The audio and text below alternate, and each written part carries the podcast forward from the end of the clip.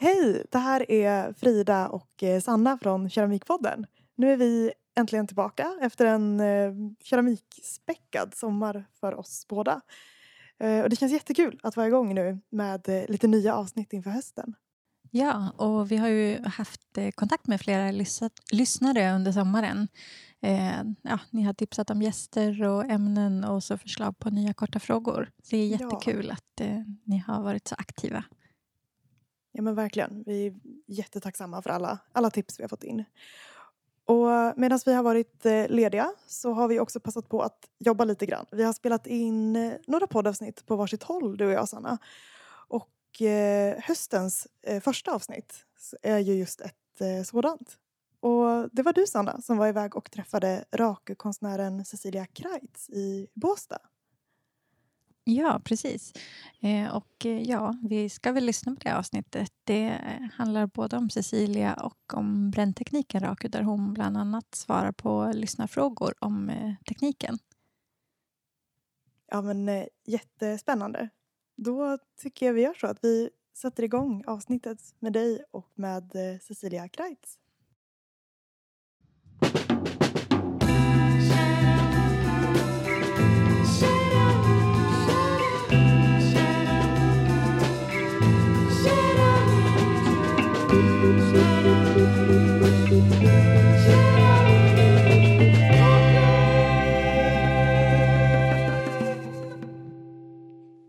Säger vi hej och varmt välkomna till ett nytt avsnitt av Keramikpodden.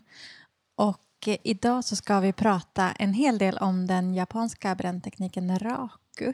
Den som ni hör nu det är jag Sanna Alvtegen och med mig så har jag Cecilia Kreitz. Hej Cecilia!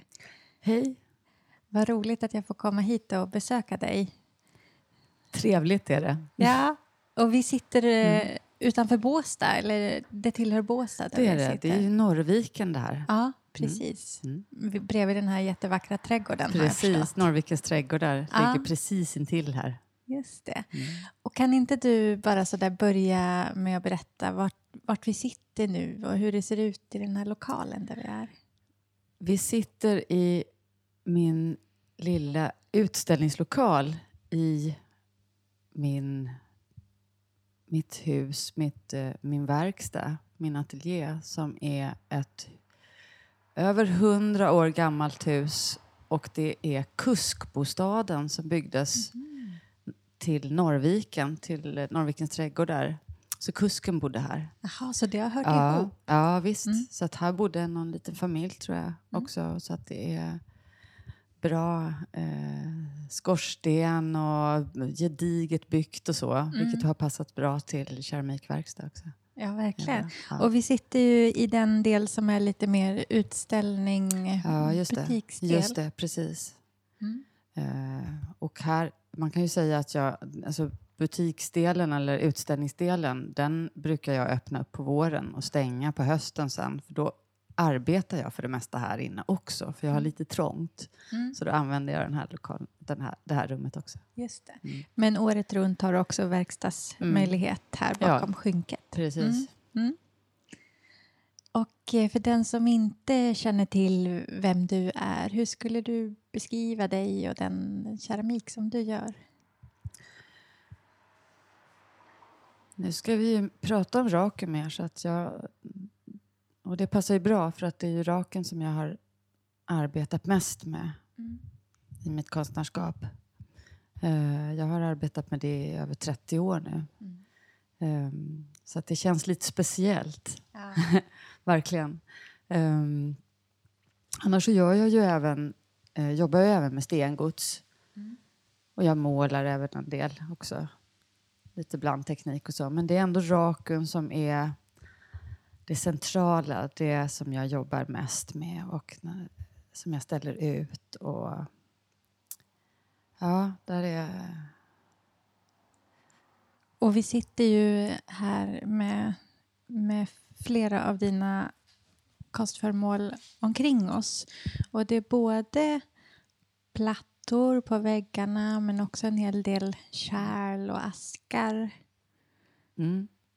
För det ser ut som att du, du jobbar med olika tekniker, att du både du drejar och kavlar, eller hur? Ja, det gör jag. Det gör jag verkligen. Och sen, eh, som du ser så är det ju rätt så, det är ju på något vis traditionella former. Det är, det är vaserna och de slutna vaserna och det är fat, eh, det är cylindrar.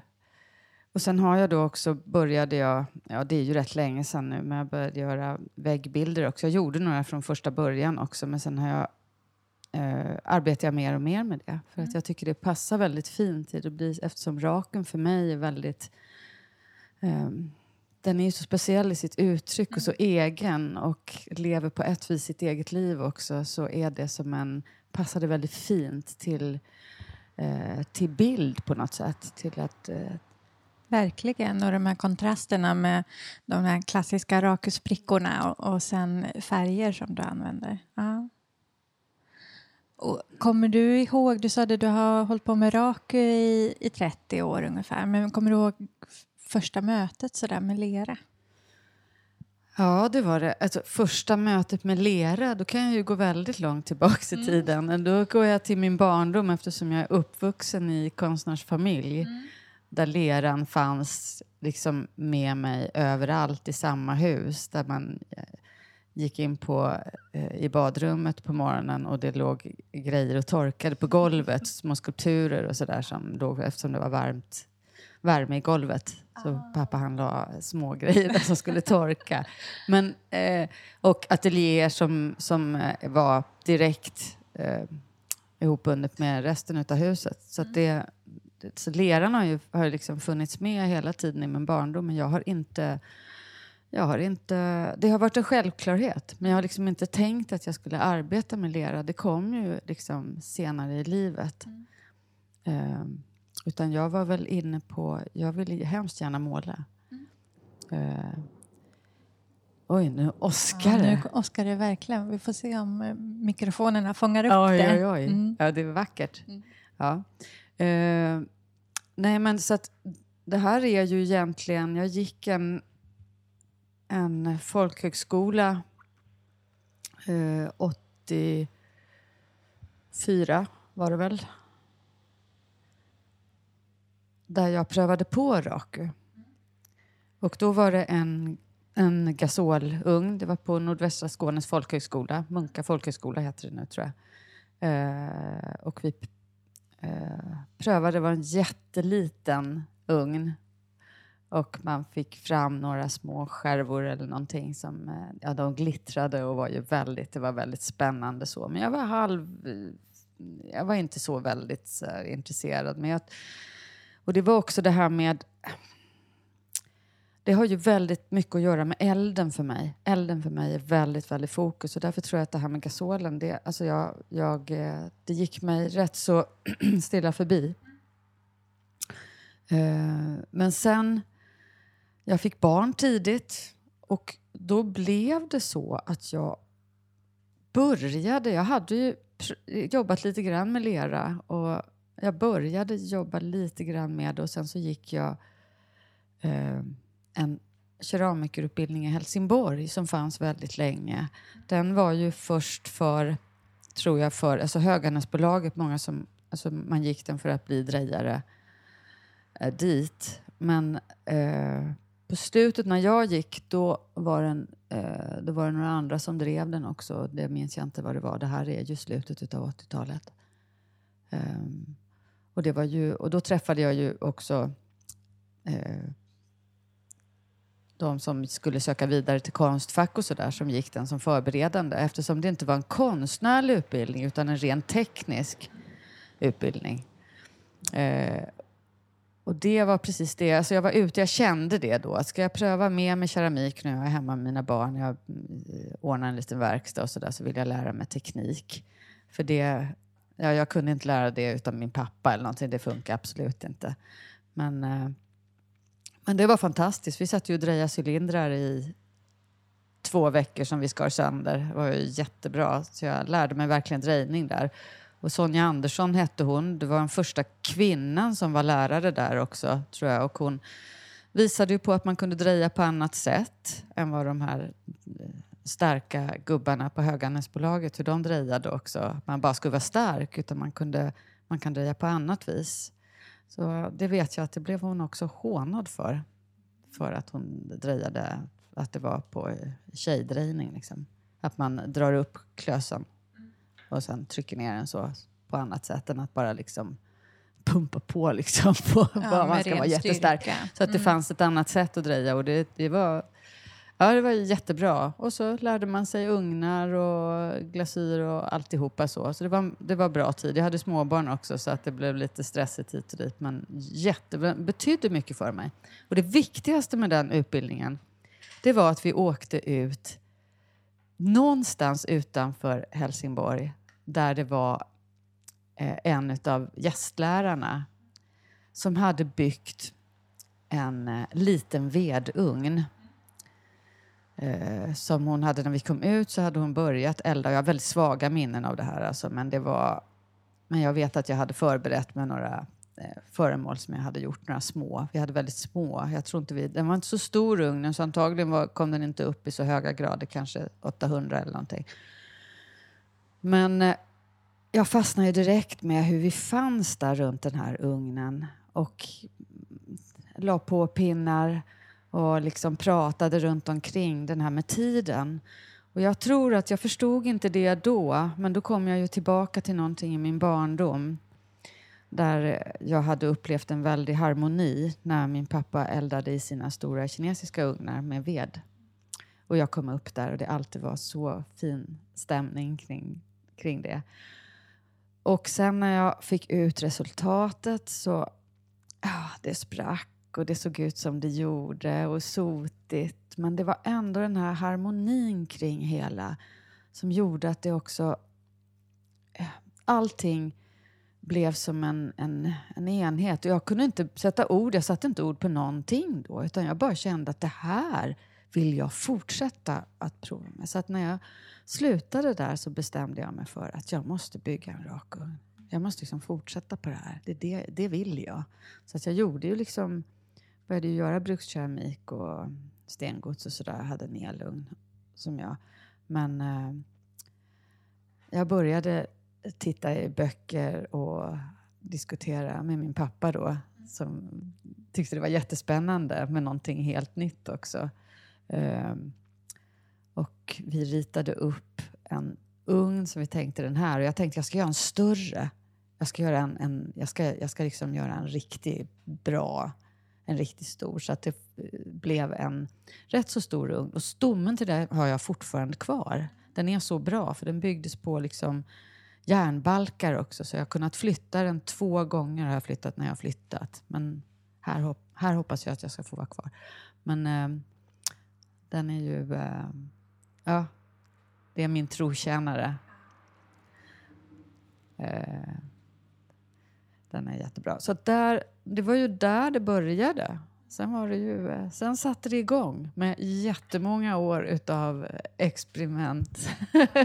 Verksamhet känns det som. Verkligen. Men, eh, men jag gillade det hela tiden.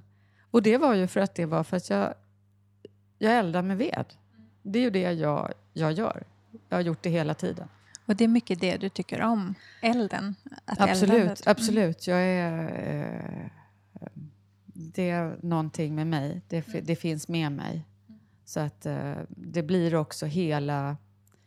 Hela processen känns betydelsefull. Den känns väl, alltså den, det känns som att det blir en... en eh, eh, förstå, alltså det blir en känsla. Det ger ju också effekter som inte blir annars. eh, Alltså utav alltså vad som händer i ugnen också. Det blir, jag alla överraskningsmoment som är väldigt stora i raken blir ju ännu fler. Eh, och också eh, hur det påverkas med eh, hur alla glasyrer påverkas av de ved, ved och väder och men- allting. Det är, det är jag säger det är oändligt Ja. liksom, hur det hur Och kanske påverkas. extra, Mm. ja, men att det ger extra då att du har varit med hela, he, alltså i alla steg. Ja, För, för kan ju bli en överraskning ändå. ja, ja, ja, men, ja. eh, Ja. men här vet du att det är också som du säger vad du lägger på för ved och vad det är för väder. Ja, ja. Jag tror också att jag... att jag på något vis så känner jag att jag orkar med rakun? Alltså den är ju, den är ju annars rätt så... Alltså jag tycker att man skulle kunnat... Om jag tänker på det så kan man ju tröttna om man har en, om man har en bränning där väldigt mycket går sönder till exempel. Skulle jag då inte haft den här, de här timmarna där jag, där jag sitter och eldar och hör fåglarna och ser solen gå upp och alltså alla de sakerna. Det, det hade varit meningslöst. Jag tror jag hade tröttnat fortare. Mm. Verkligen. Men det har gjort att, att det har gett, det, har, det ger så mycket mer. Mm. Uh, så det kommer jag tillbaka till. Ja. Jag vill verkligen göra det. Jag tycker att det, jag, jag ser Raku som en, ett sätt att leva, som en filosofi. Mm. Vad fint att kunna se det på, på det viset att, mm. att det ger något istället för att man känner att mm. nu har jag investerat mm. så extra mycket tid för ja. att jag också har Nej, det är tvärtom. Tagit, ja, det är tvärtom. Att ja, det är verkligen tvärtom. Ja, det är som om rakbränningen, det ger mig någonting. Det ger mig verkligen. Det, eh, ja, det är väldigt skönt. Jag tänker att det kan vara eh, på ett annat vis också ganska tungt att just vedbränna raku. Ja. Det är ju många moment och ja. det ska snabbt ut och det ska ner i något kärl. Och, ja, ja. Just, det, just det. Så jag är ju faktiskt aldrig, jag har varit ibland ensam när jag bränner men jag mm. har oftast en assistent med mig. Oftast är det min man som får elda. Jag har haft andra personer också. Eh, men oftast är det min man. Hur länge, hur länge kan du hålla på och elda när du kör en... Är det... Eh, Alltså jag börjar oftast, eftersom det ändå är, det tar sin tid att få upp temperaturen och man, den här fokusen man lägger på det och så, så brukar jag väl... Alltså när jag... Är det inte covid-tider så kanske jag bränner fem gånger om året mm. ungefär. Eh, och då har jag ju förberett mig rätt så länge inför det. Eh, och bränner en hel dag. Då börjar jag ju tidigt på morgonen och med bara eldningen som kan ta en fyra timmar tills det kommer upp i... Alltså jag bränner ju upp till tusen grader. Mm. Eh, mellan 900 och 1000 grader är för mig bra temperatur. Mm. Då kan jag också... Går det liksom närmare sig tusen så blir det så, eftersom man öppnar luckan hela tiden, så blir det liksom för jobbigt och det går också för vanskligt. Det är ju mer som spricker då, mer som... Men sen blir ju glasyrerna mer och mer spännande. Ja. Det är ju så också. Men det, men, eh, så det är lite där, man håller sig inom någonting ungefär. Mm. Eh, jag brukar säga mina, så att mina, min bästa temperatur på Raku det är runt 970. men det blir aldrig, eftersom det är vedeldning också så är det liksom, går det ju hit och dit lite grann. Men där någonstans, mellan 950 000, mm. tycker jag är jättebra. Eh, så det tar, sen håller jag ju på, sen är det ju hur mycket som jag, men eh, gärna är man, man är ju väldigt, väldigt trött på slutet för man, eftersom alltså, man sitter inte ner eh, långa stunder eh, när jag väl har börjat och, och bränna. Då är, då är man ju så fokus på att hålla koll på allting, hålla koll på att titta in i ugnen, hålla koll på det som ligger eh, och reduceras i, i eh, i badkaren säger jag. Jag har badkar som jag lägger dem i. det, det, har jag sett att det kommer en fråga ja, om kärl. Ja, badkar säger jag. ja. Mm, och vi ska gå in lite mer också på de här äh, stegen eh, om en stund.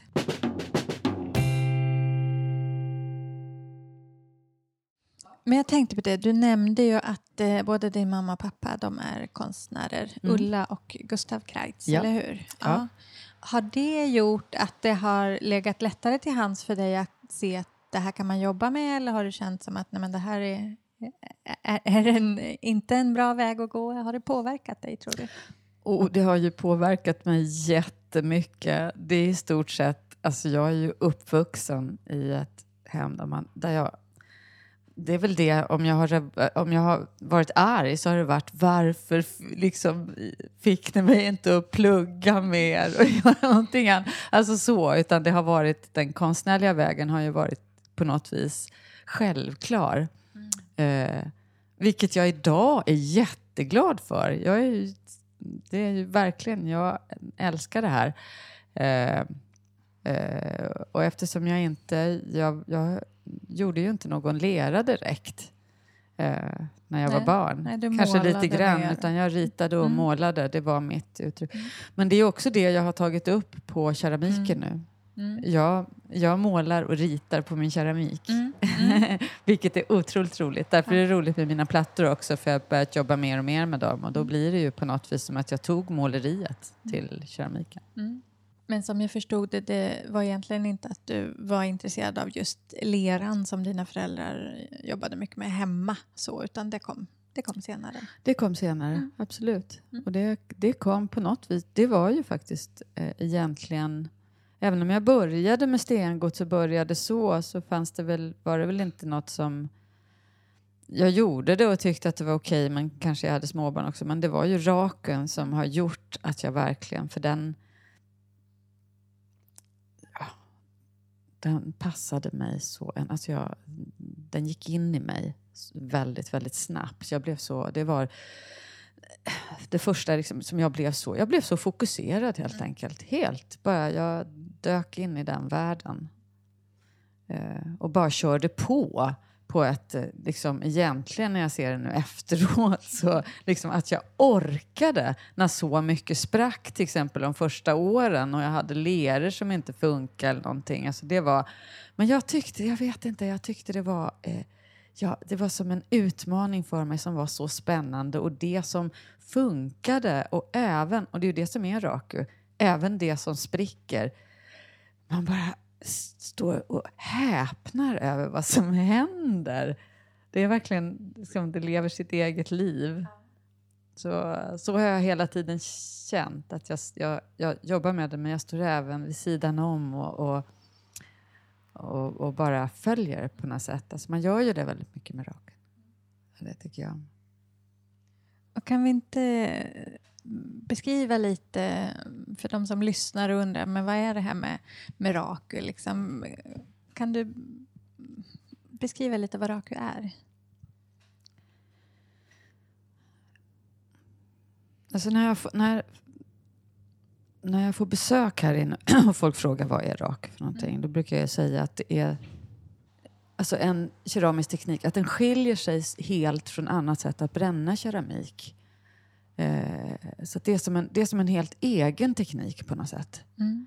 Eh, Och man säger att den känna. kommer från Japan, eller hur? Ja, man säger att den kommer från Japan och så har det varit sen jag började jobba med till för i stort sett några år sedan när man vet att det kommer från Korea Okej. som så mycket annat kommer ifrån. Sker. Eller Kina, det var Kina först och nu börjar det sträcka sig till Korea.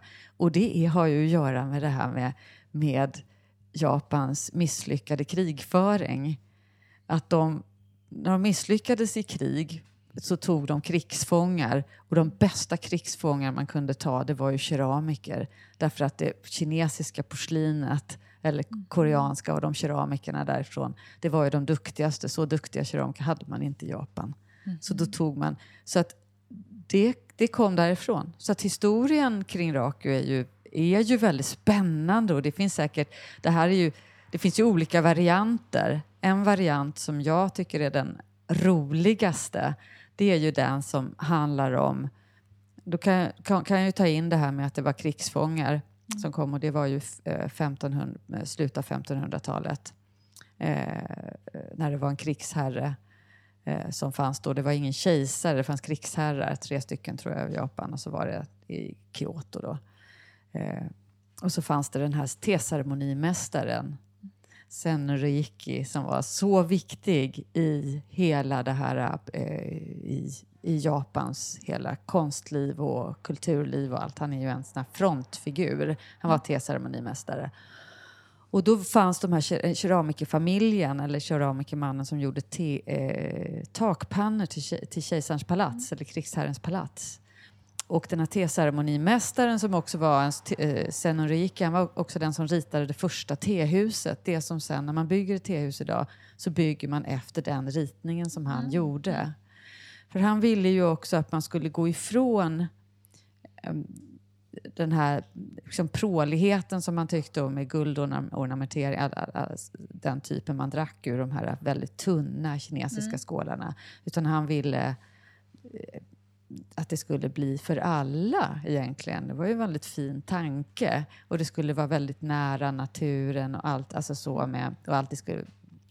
Och då gick, brukade han gå ner till den här lilla keramikerfamiljen och då var det så att enligt en historia så var det mamfrun som gjorde tummade små skålar av den här grova leran som han gjorde takpannan av. Och så den här ugnen där man brände dem väldigt snabbt och så mm. gjorde hon. Och han älskade ju de här skålarna och dricka te ur dem. Och då till slut då hade han tagit med sig en skål till den här eh, Hideyoshi hette han, eh, den här krigsherren, som tyckte att den var så fantastisk så att man efter det så fick familjen namnet Raku. Mm. Och de fick också ett sigill. Och mm. tecknet är ju väldigt vackert. Det ser ut som en liten glad gubbe, tycker jag. Har jag alltid tyckt. Um, och då var det, då, det var deras son Shushiro. Shushiro, jag vet inte hur man uttalar det faktiskt. Mm. Um, han var den som på något vis fick det. Så det, var han som, det är också hans skålar som är de äldsta och de första. Man kan ju se Shushiro skålar några på östasiatiska och på ja, på de här museerna. Det är ju fantastiskt att se dem när man känner till historien också. Och de är ju liksom handgjorda, liksom är tummade upp. Mm. Uh, uh, så det, det, är en, det är en jättefin historia, mm. det är det mm. verkligen. Så där började det. Sen gick det ju som en, en tid alltså där, man, där, där ble, blev det blev som en skola kring Rakus och i Japan vad jag förstår det så. Men man kan ju säga att det kom till från Japan till västvärlden kom det i början av 1900-talet eh, och då var det ju faktiskt eh, Bernard Leach som var i Japan. Han är född i Asien också och han hade, var på något garden party med Hamada tror jag, för de jobbade ihop. Eh, och då såg han Raku också och de började och bränna raket tillsammans, han och Hamada. Och så åkte de tillbaks till St. Ives där han hade sin, och så byggdes det en ugn där i eh, Cornwall. Mm. St. Ives, där byggde de en rakugn. Och det finns små, små träsnitt också, för de gjorde det som en happening redan då. Så att de eh, åkte, cyklade runt eller vad de gjorde och, och lämnade små lappar med ett litet eh, träsnitt, tror jag att det är eller linoleumsten, träsnitt, någonting sånt. Där man ser ugnen och de står där och matar ved. Och så. Det är rätt så fantastiska små bilder som finns mm. från det där. Eh, där startade och då blev det ju, sen fortsatte det i England med, eh, med eh, keramiker där som började ta, ta upp, eh, jobba med raken. Mm. Eh, så det, som man ser då så är det några hundra, flera hundra år tills det kommer till väst. Mm. Sen kan man ju säga att, tänker jag att det är Eh, ett steg också nästan när det går över eh, Atlant när det kommer till USA. Och Paul Soldner eh, som gjorde den här amerikanska rakun och eh, som blev helt där han utvecklade någonting eget ur det istället. Något eh, liksom, Eh, och det var ju också 70-talet och det var såna här uh, happenings och såna grejer också. Men han gjorde ju någonting annat utav det. Hur, hur såg det ut? För det har ni inte eh, sett. Alltså, det är ju att man jobbade mer med utan glasyrer och sådana saker mm. också, med oxider. Och jag tror att han jobbade mer så, han började göra vildare former liksom, i det och sådär. Gick ifrån det här traditionella med teskålarna och, och sådana saker. Det var ju den vevan också tror jag som familjen, att Raku försökte få igenom att det skulle vara förbjudet och kalla det för Raku utanför Japan. Aha. Om inte från familjen tror jag. Okay. Men det gick inte igenom. Nej. Jag tror han har skrivit om det också, Paul Solner, hur, att vi får inte göra Raku. Så jag tror att han vände på, på uh, ordet. Mm -hmm. uh, skulle kalla det så. Men det, det är inte så, så man får faktiskt kalla det för Raku. Uh, så att det gick inte igenom. Eh, sen var det ju också en som har haft betydelse, fick frågan om bok och det är ju Finn Lyngards bok om Raku, den danska. Och den tycker jag är en, en av de bästa. Alltså den är fortfarande väldigt, väldigt bra. Och vad heter den?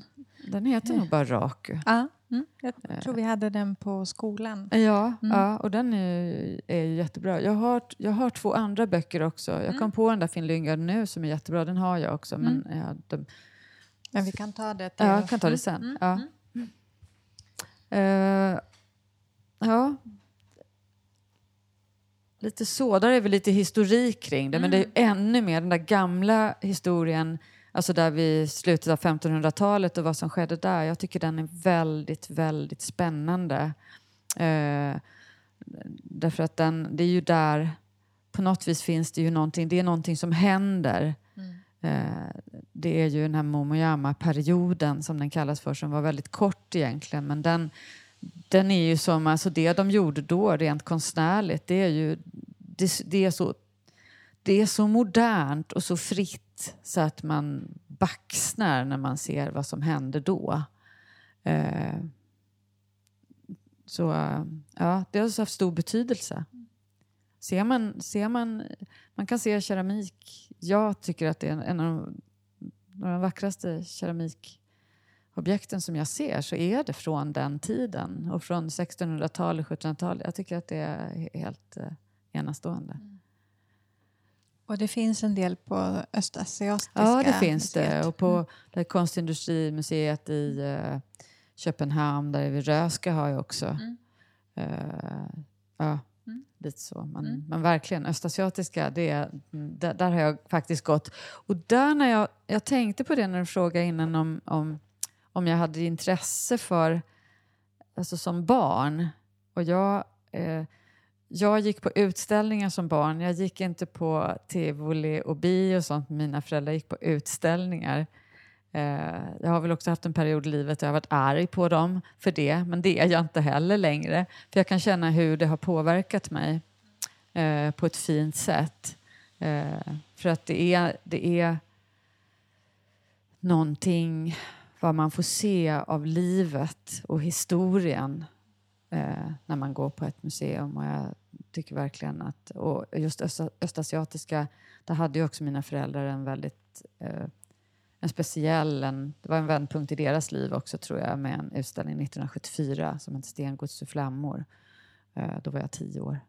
Så eh, då var jag där mycket. hade de utställning där. Och själva, jag förstår att det finns, eh, vi skulle kunna ha flera avsnitt om bara tekniken Raku. Eh, men det kommer lite boktips framöver ja, också. Ja, jag har, men har går det att i korta drag liksom beskriva vad som, vad som händer? För det är ju vissa processer när du Mm. bränner Raku. Mm. Mm. Eh, Ja, jag kan försöka ta det lite kort. Alltså där är ju... Eh, som du vet vid det här laget så är det ju ved bara som jag eldar med. Eh, det jag har gjort tidigare, jag har fått fråga om skröjbränning också, men jag skröjbränner i elektrisk ugn. Och jag skröjbränner 1000 grader. Och sen bränner jag ungefär 1000 grader i raken. Men sen, eh, och så glaserar jag föremålen så de är ju helt torra. Det vet också de som Just gör det. keramik att det ska vara helt torrt. mm, innan du Ja, och det är extra viktigt med raken också för att, eftersom det är den här chockverkan. Sen har jag ju då per, timmarna när jag eldar med ved. Det är alla förberedelser innan förstås. Men om jag ser på rent bränningen så är det ju att när jag ser att det är ungefär lagom att nu kan jag starta. Helst 970 grader. Ja, Ja. helst då. Eh, då, har jag, då är det ju... Jag har bara en väldigt lätt lucka som jag eh, kan liksom lyfta av väldigt lätt. Eh, jag sätter in ett föremål, följer, öppnar då och då och kollar hur glasyren smälter ut. Hur det har gått. Tittar du efter om den är, glansig? Ja, precis. Mm. Så att när den är glatt och, och det, där är det ju, alltså det är ju så med Raku också att där finns ju ingen klocka man går efter, aldrig, utan det är ju vart föremål därför att det är ju det är ju så mycket som spelar in. Det är ju tjockleken på godset, det är ju vilken glasyr det är, om det är 960 eller 970 grader, vilken luftfuktighet, vilken ved, vilken vind. Det, det, det är så mycket så att det är, där får man faktiskt verkligen följa med blicken och titta in snabbt ibland. Man får akta sina ögon, man får titta snabbt. Eh, ibland behöver man snurra föremålet lite kanske, det kan vara lite ojämn. Eh, så att det är lite outsmält på ena sidan. Men när det är klart sen, då tar jag ut det med en tång. Och vad kan det ta? Kan det vara liksom Tio minuter tio kanske. minuter ungefär? Alltså jag brukar Mm. säga mellan, mellan fem minuter till en kvart ungefär. Alltså det är ju lite så Mm. olika beroende på vad det är för föremål. Men Det är ju lite speciellt också Ja. med raku att det går så fort. Ja, För annars ja. är man ju van vid att Ja. man får vänta ett Ja, dygn. ja, Men nu sätter Ja. du in den när Ja, ugnen redan är varm. ja. Mm. Sen är det ju också så att så fort jag har alltså små, nu gör jag ju teskålar också av mindre föremål, då kan jag sätta in några stycken. Men det finns ju alltid en risk för att det spricker. Eh, och jag är ju med om det varje gång i alla fall, även om jag försöker undvika att något, något slår sönder det andra. Eller att det fastnar en skärva, det spricker någonting så fastnar en skärva som förstör någonting annat. Och ett stort föremål, de stora sätter jag ju, det, det är ju bara ett. Sen har man ju, är ju inte ugnsutrymmet så stort heller för, för att man ska kunna, eftersom temperaturen sjunker varje gång man öppnar. Eh, och för att kunna hålla det så är det ju rätt så litet, precis liksom, på något sätt, så som jag har det i alla fall. Men det, jag tycker att det funkar bra. Jag skulle, hade väl önskat mig lite bredare, men jag kan, får väl ändra det. men eh, när man tar ut det, då brukar jag eh, eh, hålla det ett tag med... Eh, jag använder både tång och sen jag har låtit tillverka själv, alltså låtit tillverka, jag har som en väldigt stadig pizzaspade eller någonting när jag tar ut stora fat eller liksom, eller att man, då brukar vi hjälpas åt också. Min man håller den där pizzaspaden och jag drar ut med tången en stor eh, kanske cylinder eller någonting på den. Och sen så tar jag över. Så att det, det är liksom och så får han sätta på luckan. Så det är lite sånt, så det ser ut när man jobbar med. Ehm, Och så får det oxidera ett tag. Och det beror på vad det är för någonting. Men jag låter det oxidera eh, Det kanske är det någon syre minut, halv enkelt. minut. Det får vara i luften. Ja. Mm. Eh, innan jag lägger ner då, då har jag, jag har kutterspån och jag gör av med så himla mycket. Jag bränner så mycket raku så att jag köper kutterspån. Det försvinner ju, det blir bara lite sot efter ett tag. Men, och sen har jag det i stora gamla badkar. Jag har tre stycken som står på rad. Så folk som ser, som kommer förbi med bil undrar väl vad jag håller på med. Eh, men det, eh, jag lägger det i badkar. För mig funkar det jättebra med de här sluttande kanterna och så. Och jag lägger ju inte över något lock eller någonting. Jag tänkte fråga det, men du gör Ja. inte det. Nej, utan jag, jag lägger över mycket spån bara ovanpå. Och då börjar det ju ofta liksom brinna av värmen. ja, och är det, blåser det mycket och är väldigt torrt så får man ju verkligen, man har ju slang precis bredvid, bredvid och, och sådana såna saker också. Och det luktar ganska speciellt. Ja, det gör det. Så att jag har gasmask eh, Eh, för det mesta. Om det inte är så vinden ligger liksom på ett bra sätt så det bara röken går rakt in i skogen. Men an, annars så har jag gasmask också på mig. Eh, jag kan ju berätta att jag hade eh, tidigare under alla år till för två år sedan så hade jag, eh, brukade jag vira in, alltså jag har ju ullkläder på mig. För det är väldigt, väldigt bra både mot, eh, där har man ju ett litet skydd av sig själv faktiskt. Så på mössa och håret och alltihopa. Och då brukade jag, så hade jag, virade jag huvudet med en ullsjal och eh, hade en gammal palestinasjal som jag, som jag hade jättelänge som höll så bra. och Jag hade den. Men eh, 2019 på våren, och det är ju, då har jag ju bränt raken nästan 30 år. Eh, då gör jag plattor. Plattorna kräver, alltså de är rätt jobbiga att ta ut ur ugnen, att hålla i och de är, man är rädd om dem så man inte tappar dem, att det går av hörnor och alltihopa ner i. Så att jag ska lägga ner en platta i sågspånet och det blåser och det är torrt och så ser jag att plötsligt att det brinner i halsduken som hänger ner mot den. Men då är jag så himla, jag är så rädd om den där plattan. Så att jag tänker, jag hinner lägga ner den, så jag lägger ner den långsamt, lägger på och så tar jag med händerna och slår på elden på mig själv. Så att det slocknar.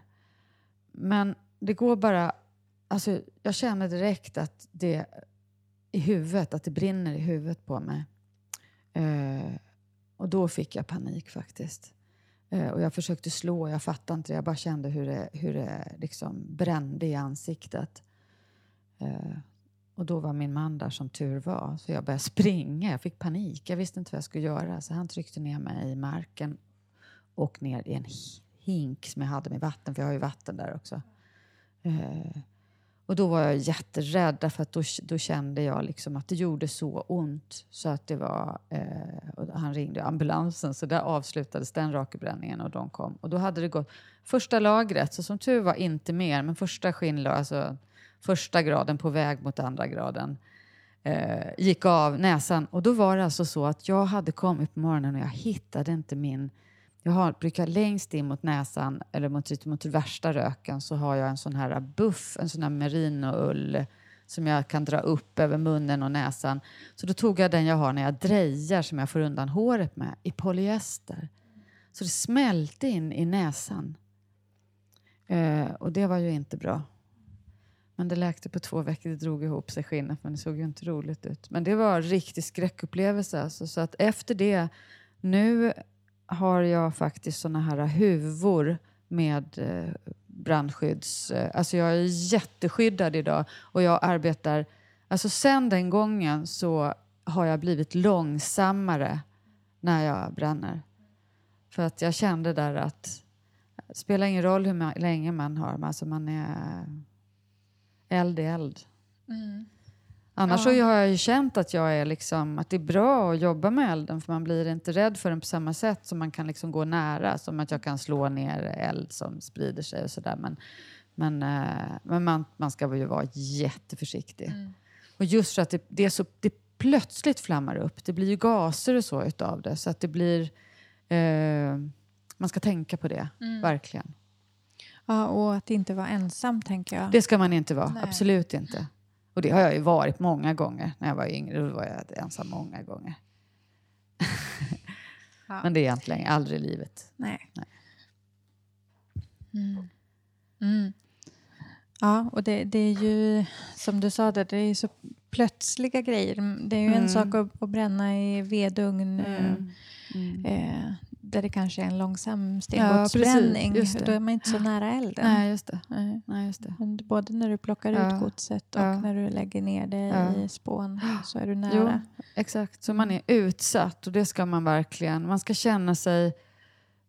Jag tycker att man verkligen man ska förbereda sig väldigt, väldigt noga. Och det är väl något som jag inte tog med när, när, vi, när jag pratade om en bränning. Mm hur, mycket för, hur jag förbereder runt ugnen. Hur jag förbereder allting faktiskt i detalj. Hur jag lägger fram brännhandskar, hur det ligger. Jag har, nu har jag en sån här brandfilt och brandspruta och allt. Men att det, allting är förberett och det känns väldigt skönt. Mm. Så, så det, sista åren är jag så förberedd. Det har jag aldrig Men det, det är väldigt, det, det ska man vara mm. på grund av att det finns risker. Mm. Så. Och då blir det, då blir det en fin upplevelse. Mm.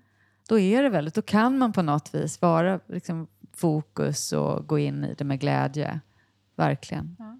Jag tyckte du sa det bra också där, att du har ett, ett lugn idag när du jobbar. Ja, verkligen. Och det, det, det, det känner jag att det är. Jag känner igen från sådär keramikkurs när man fick prova raku att ja.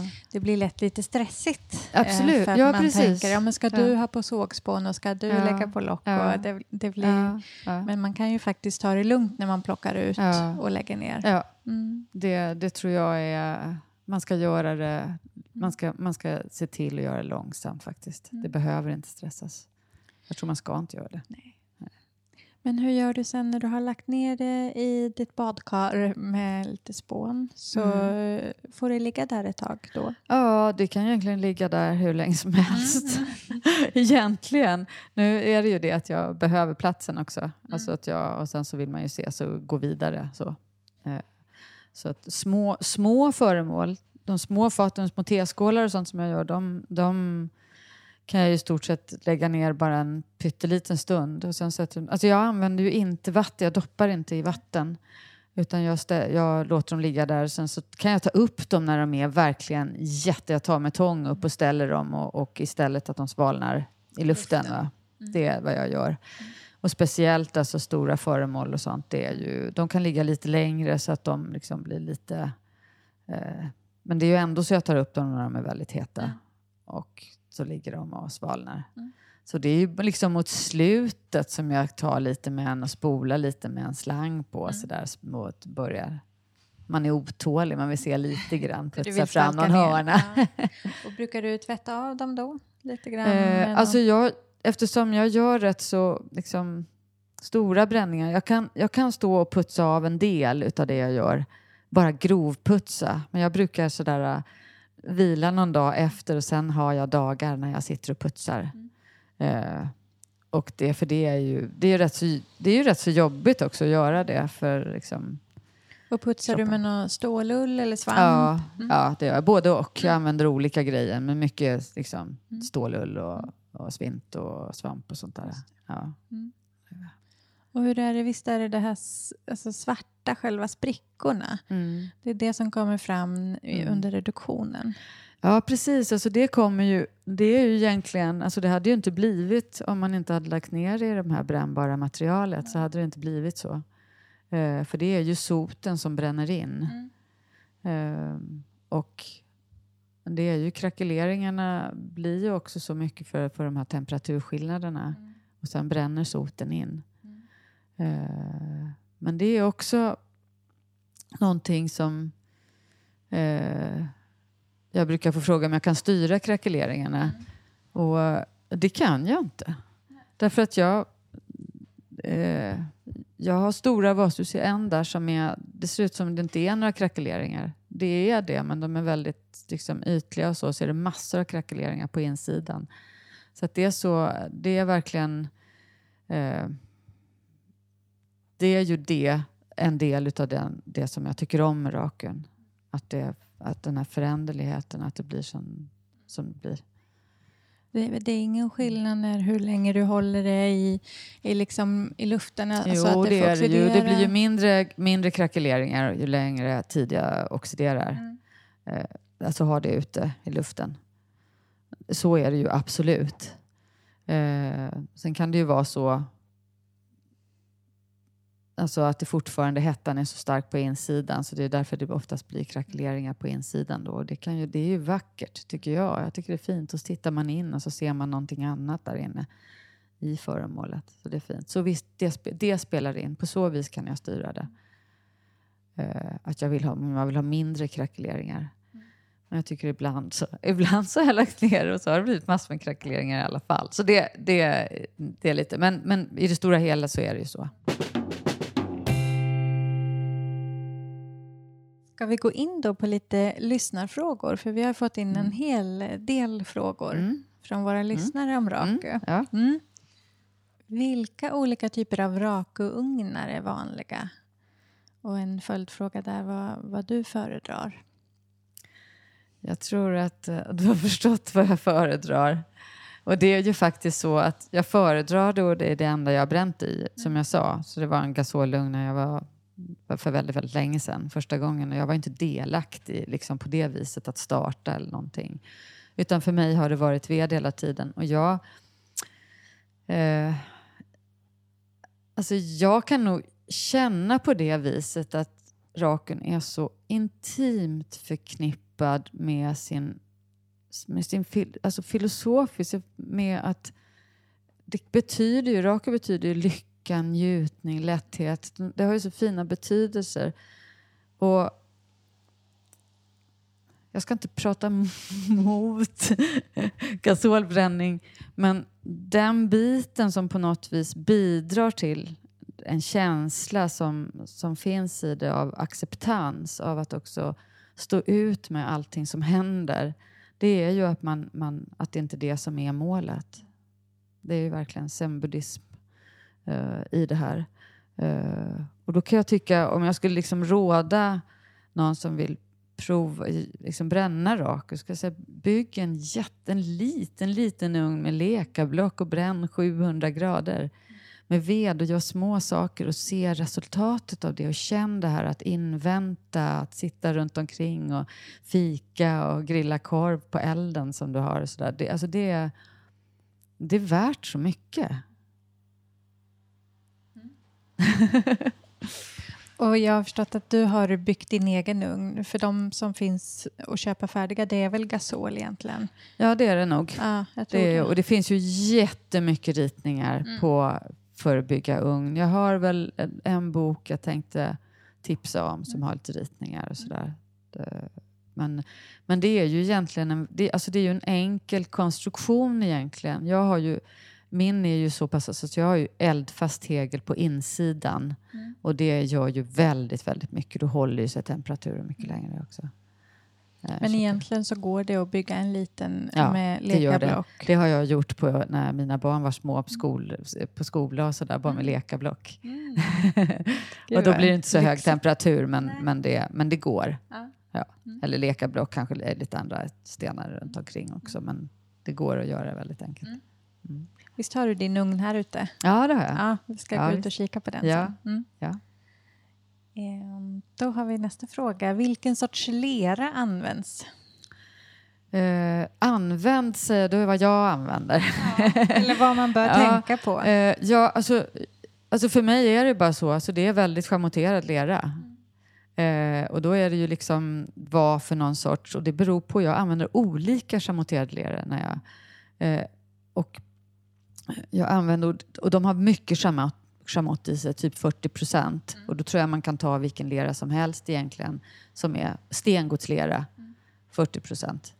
Eh, jag har en väldigt fin schamotterad 40 procent när jag, när jag drejar. Jag drejar ju eh, vissa av mina föremål också och då är det den.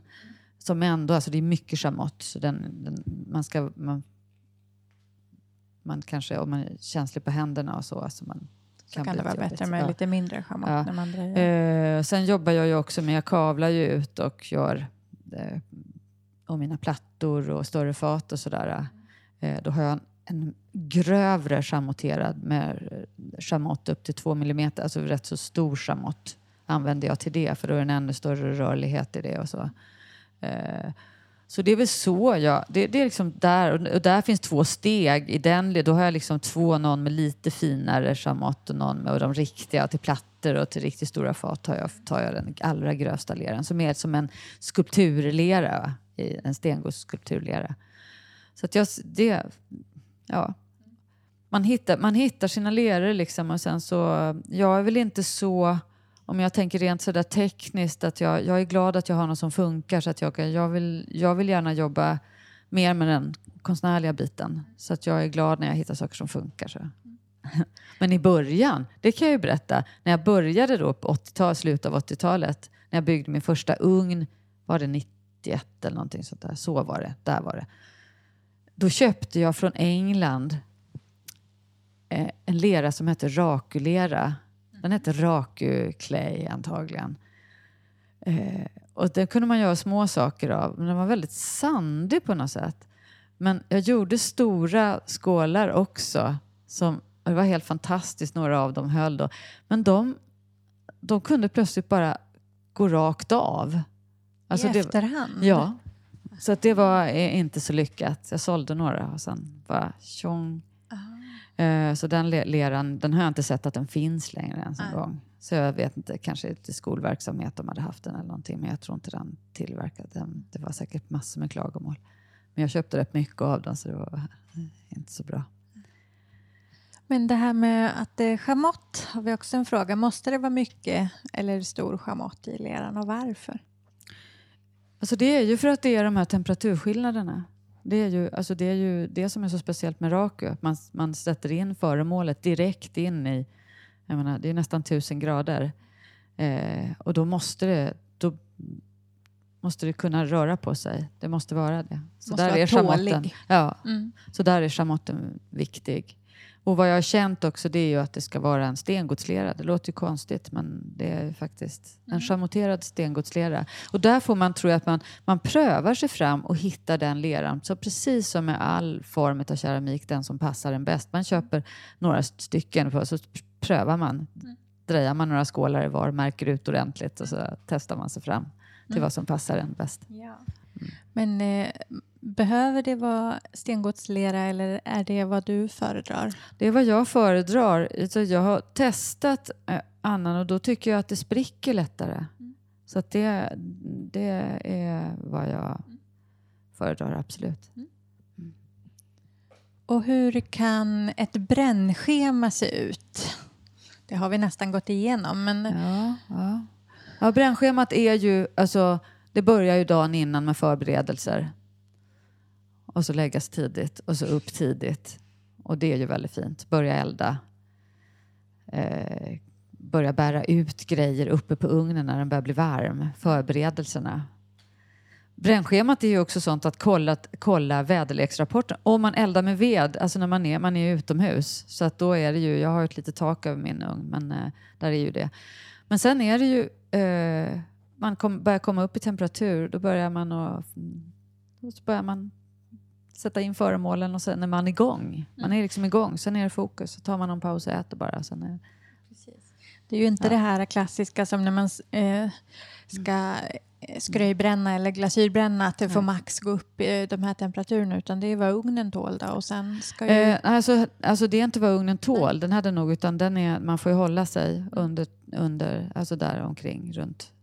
Men, alltså me, egentligen mellan, alltså man kan ju börja bränna, det finns ju glasyrer som är alltså vid 700 grader. Du kan ju börja där och sen så upp till 1000 grader. att Det är du ställer in ja. godset vid 700. Ja, så man kan ju göra så också. Om man har någonting som är väldigt ömtåligt och sånt man är lite rädd om, då kan man ju ställa in det från början. För sen när man väl är igång, då är ju ugnen så het. Va, så att den är inte så. Men eh, jag tänker också på vissa glasyrer som smälter ut tidigare och så. Till exempel de här alltså halvfabrikat och så. De är jättebra tycker jag att börja med, för då kan man experimentera med oxider och sådär. Men nu kommer jag in på en annan grej kanske.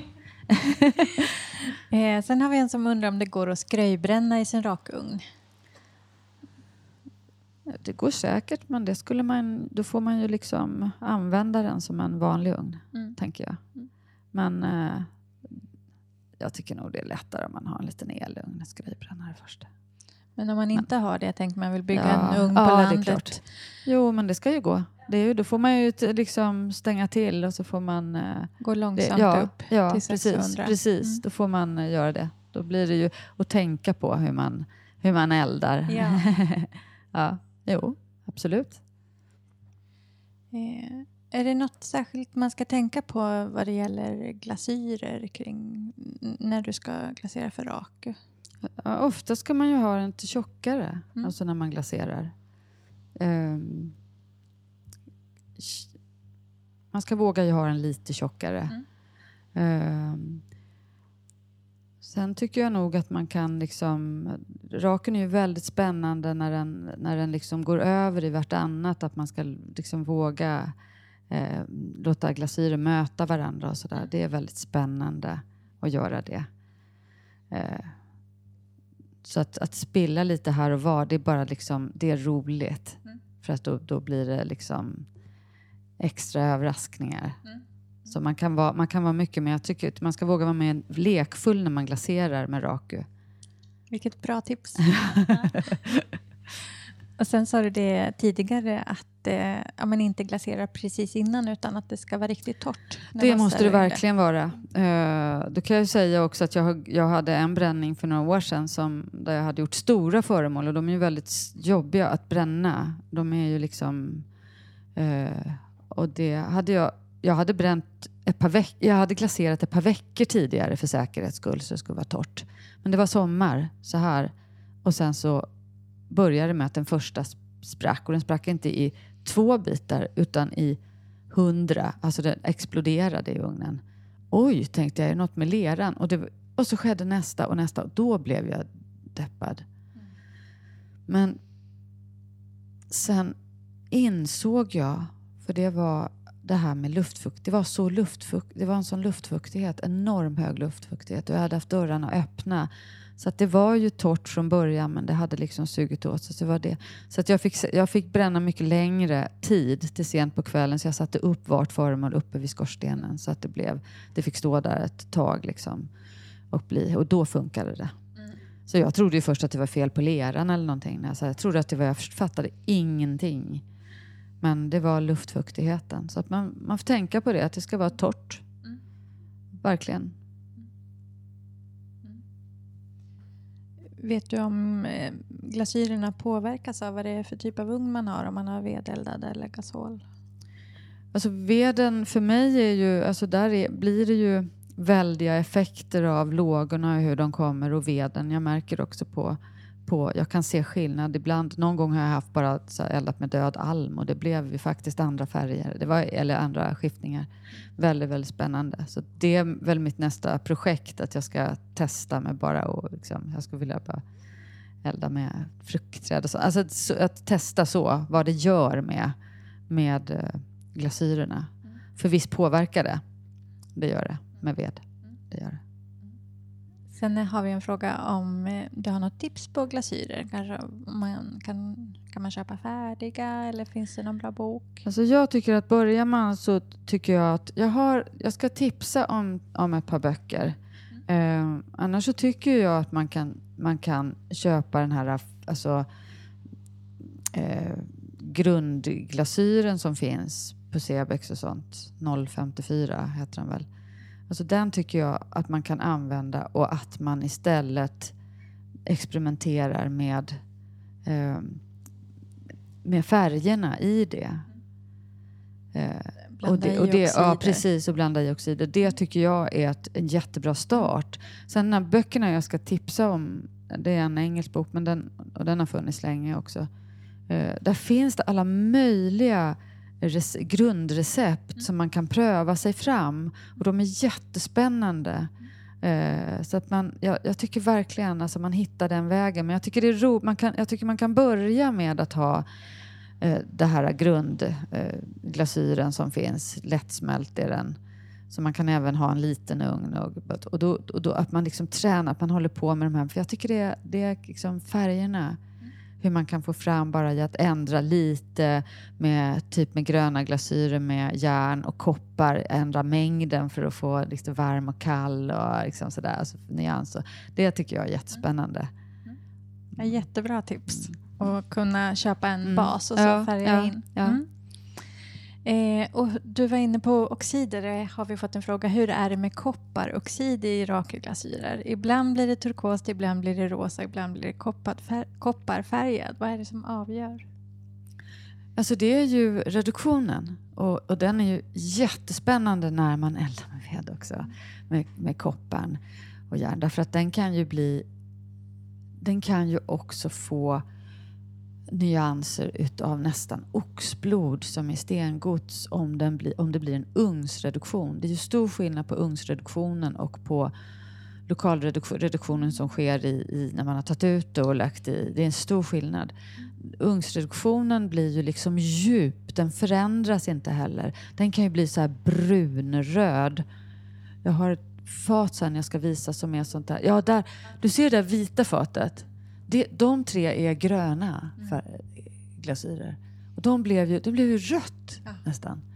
Och det har blivit en djup, en riktig ugnsreduktion. Och det är ingenting som jag kan styra utan det kommer ut och ser ut så här. Mm. Uh, den andra reduktionen, den som blir i, i sågspånen, uh, den får ju med det här metalliska uh, oftast det som man ser, man kan uppleva nästan lite, vissa tycker att det är lite läskigt. Mm. Så, men men det, det är också jättespännande tycker jag eh, med blandningen. Så.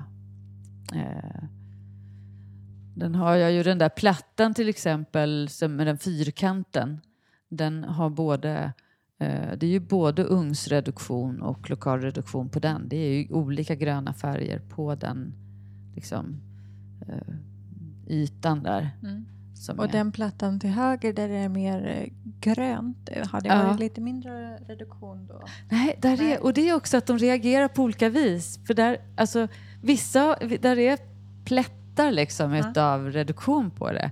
Och det är att det är olika gröna. Jag har liksom målat med en pens, alltså med pensel, droppat glasyr på och då har det blivit vissa av de gröna glasyrerna. Det kan vara att det är mer koppar i med järn eller någonting alltså så, i dem i den blandningen. Så det är väldigt roligt att det är därför jag säger att ni ska, man ska leka, liksom. Mm, man ska mm. våga så. Mm. Sen ibland så håller man på med de här olika man gör så vet man inte vilken det man har använt. Men det, det gör inte så mycket det heller. Jag vet. Man ska släppa taget när ja. det är frågan om raken. Man ska göra det. Man ska göra det, ja. följa med. Mm. Ofta läggs föremålen i ett kärl med till exempel sågspån för Ja. att reducera. Har du tips på kärl? Du använder badkar. Ja, det, det är mitt tips.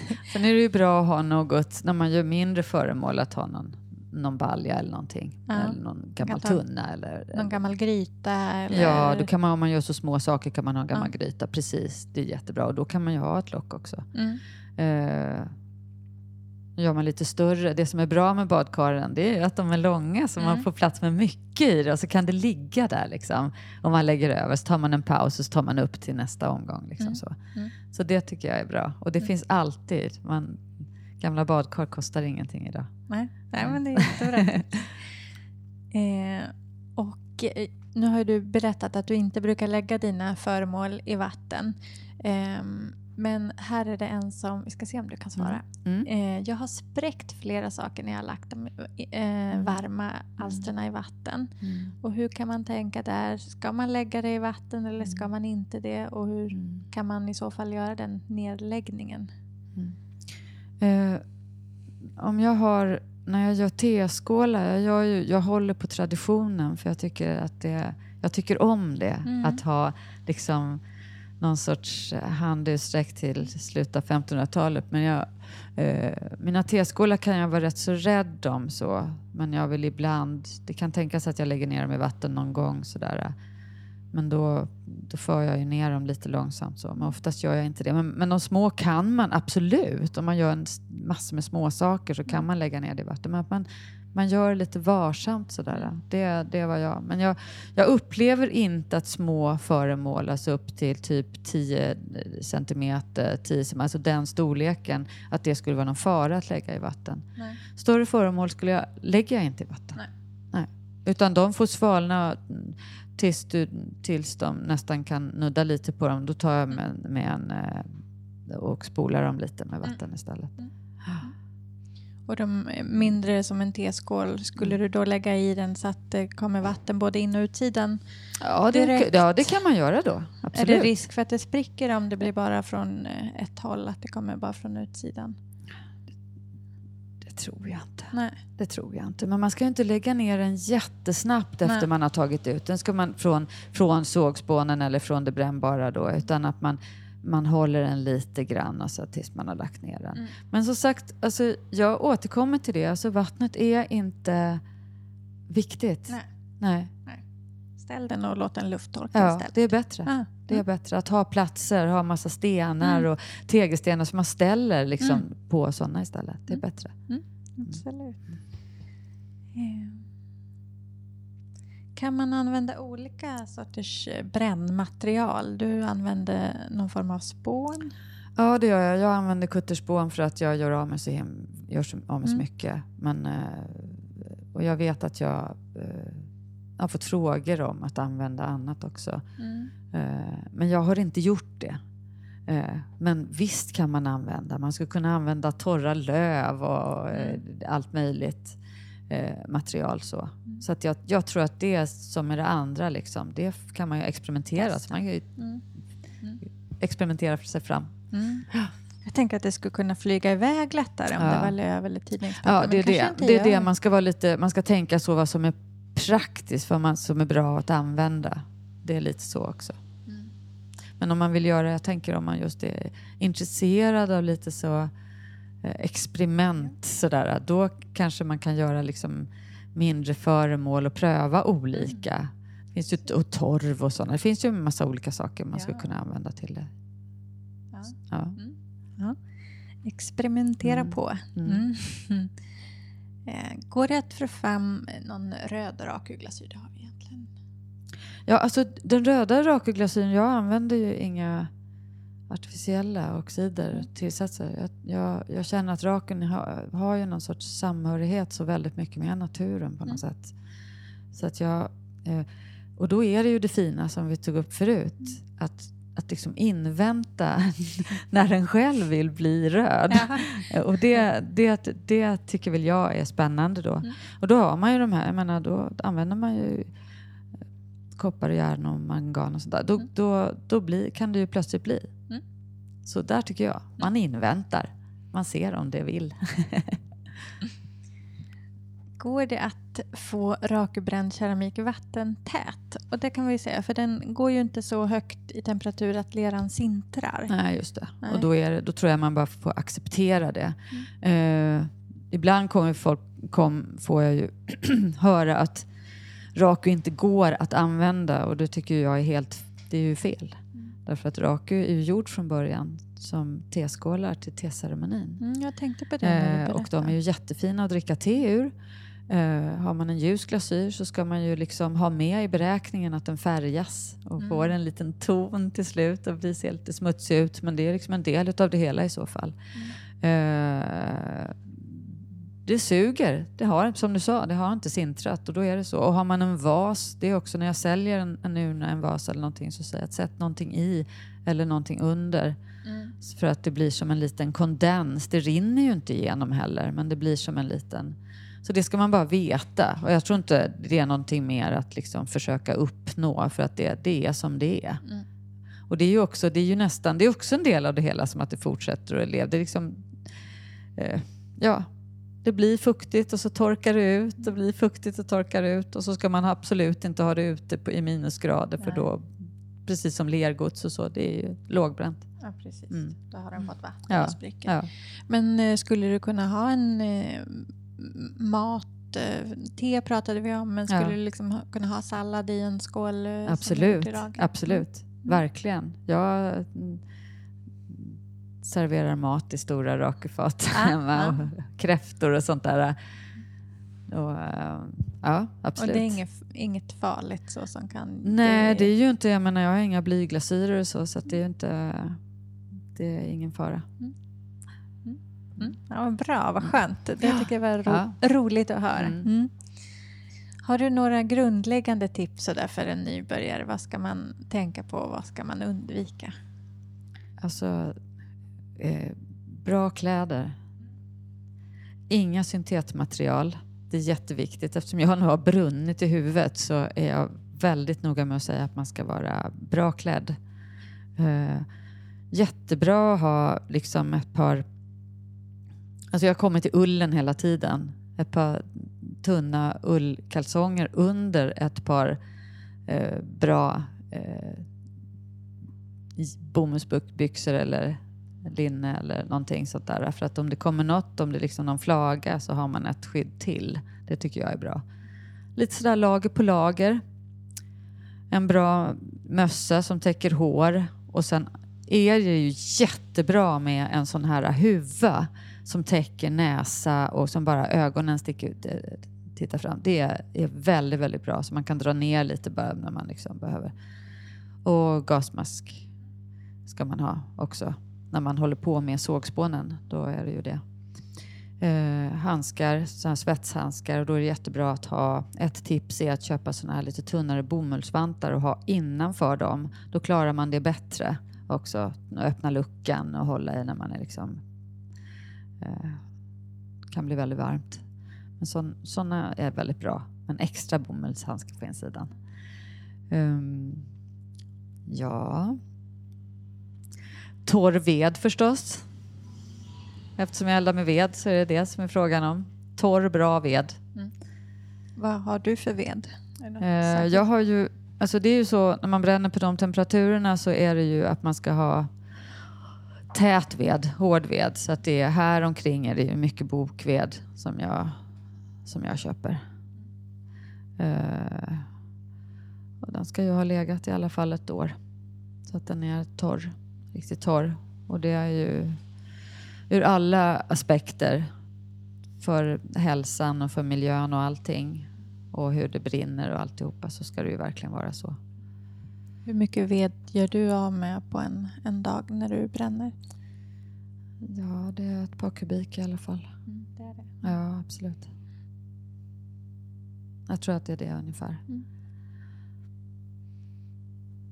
Ja, men eh, väl Mm. förberedd och rätt klädd. Mm, mm, mm. Mycket dricka, Och gör det lite mysigt lite, också. lite salt, lite nötter och lite så här. Mm. Man, man svettas, man är in till ugnen och sådär också så att det finns sen man blir varm. Mm. Och så har det låtit som att man ska göra det lite mysigt och njuta av processen. Ja, men det ska man verkligen. Precis, verkligen. Och det gör man då också. Ju mer förberedd man är där så, är det, så kan man liksom vara mer fri när man håller på med det. Ja.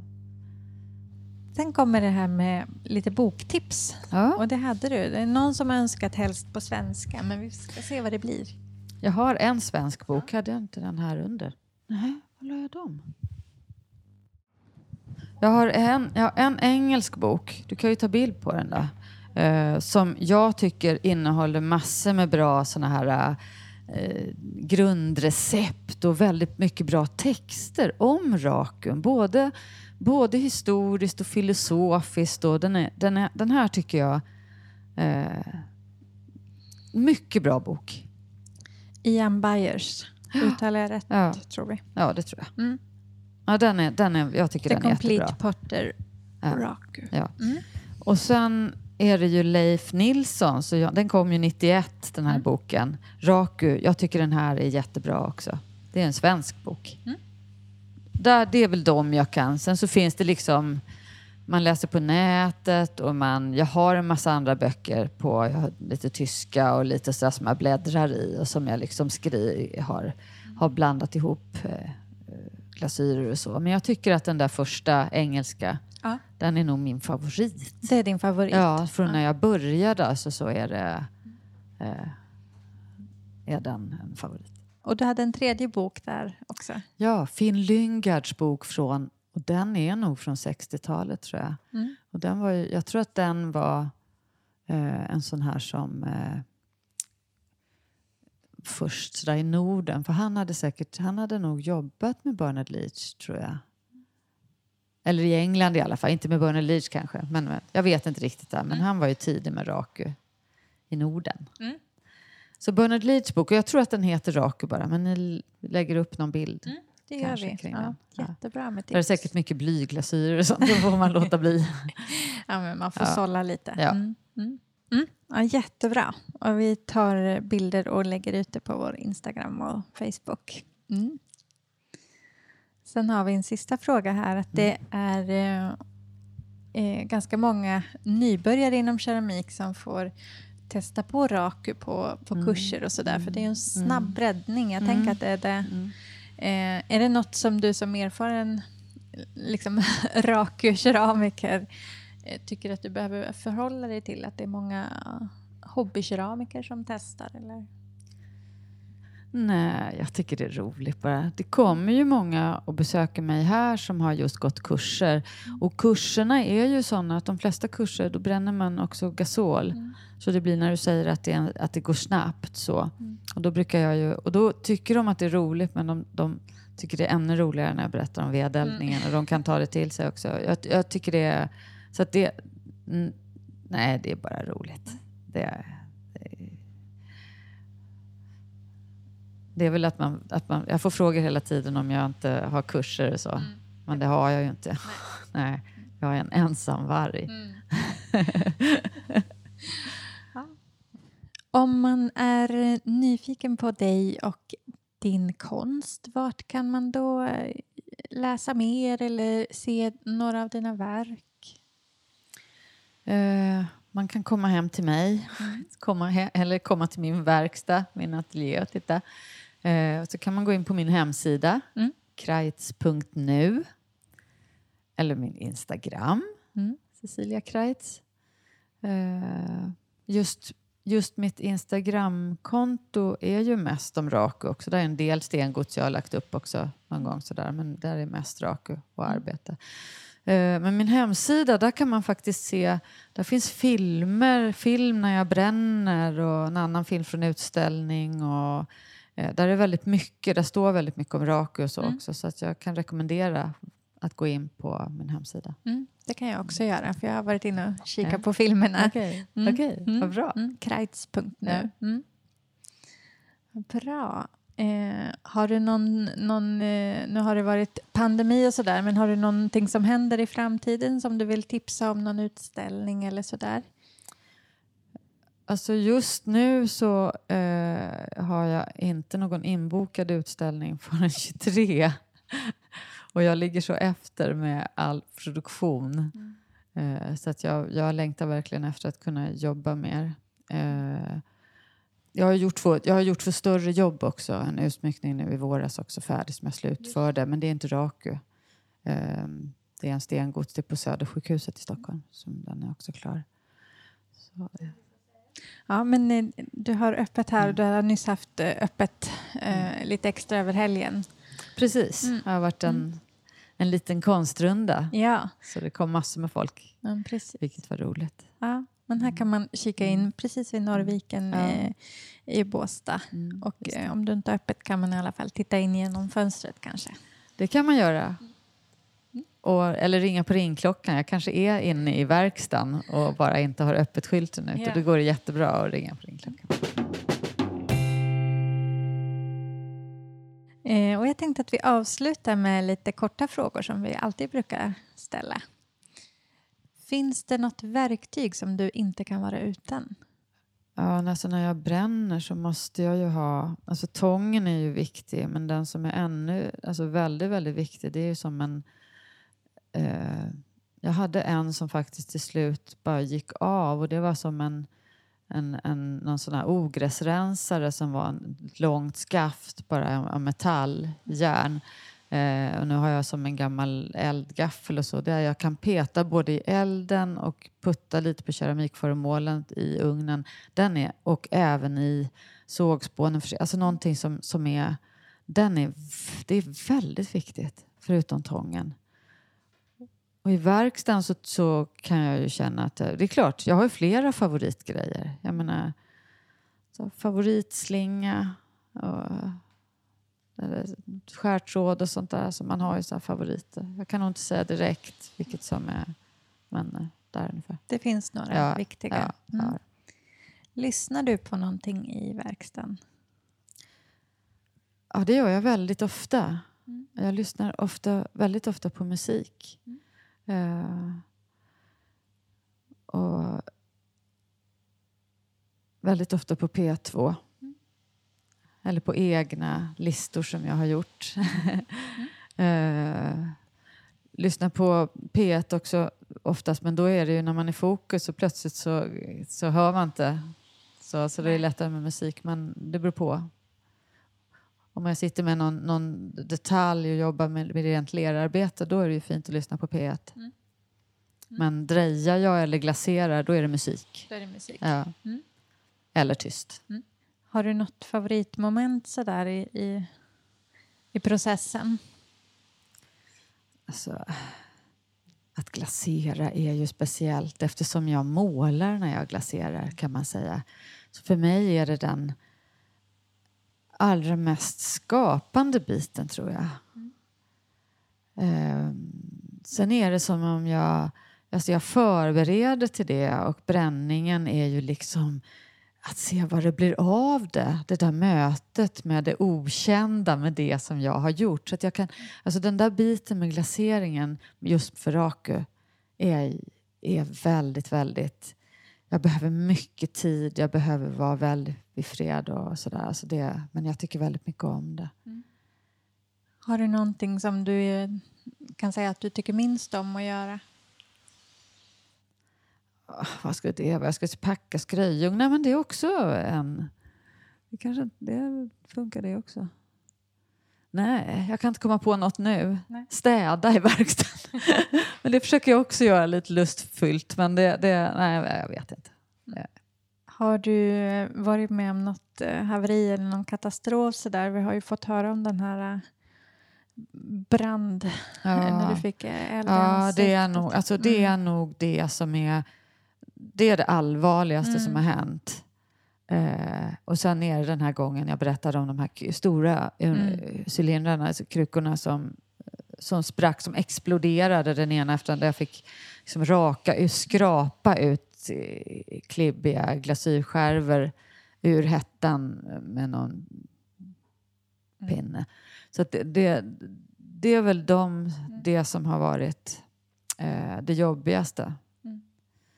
Eh, annars så tycker jag nog, och sen är det väl liksom, jag hade en sommar, det var 2018, när jag hade eh, utställning som jag skulle göra.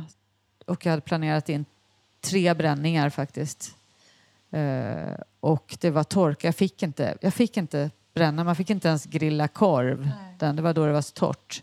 Och sen plötsligt så började det ösregna och då fick jag bränna och då kunde jag inte bränna för att det ösregnade.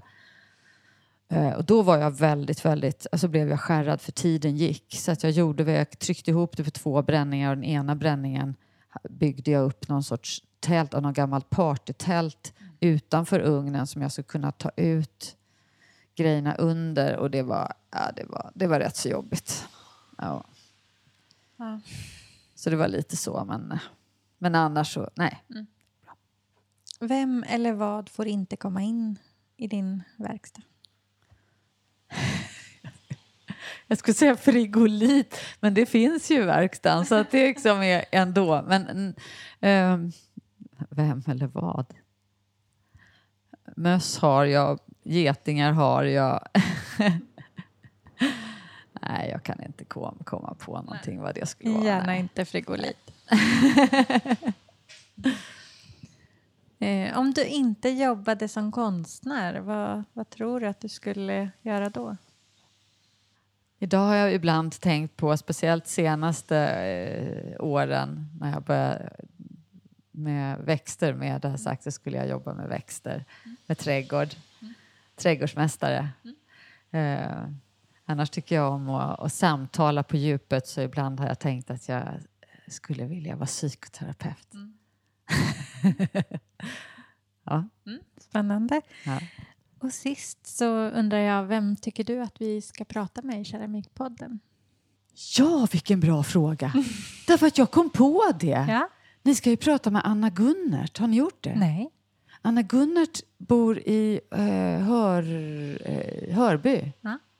och har precis kommit ut med en bok om ett krukmakeri, ett gammalt. Hon är Okej. journalist och författare. Hon har skri- skrivit en hel bok om det. Ah, Så det, tänker jag. det skriver jag ner direkt. Ja, Anna Gunnert. ja. Då får jag säga jättetack Cecilia för att jag fick komma hit och besöka dig och få gott kaffe och prata om rak med dig. Tack så mycket. Det var jättekul. Det var jättekul. Tack. Mm, tack.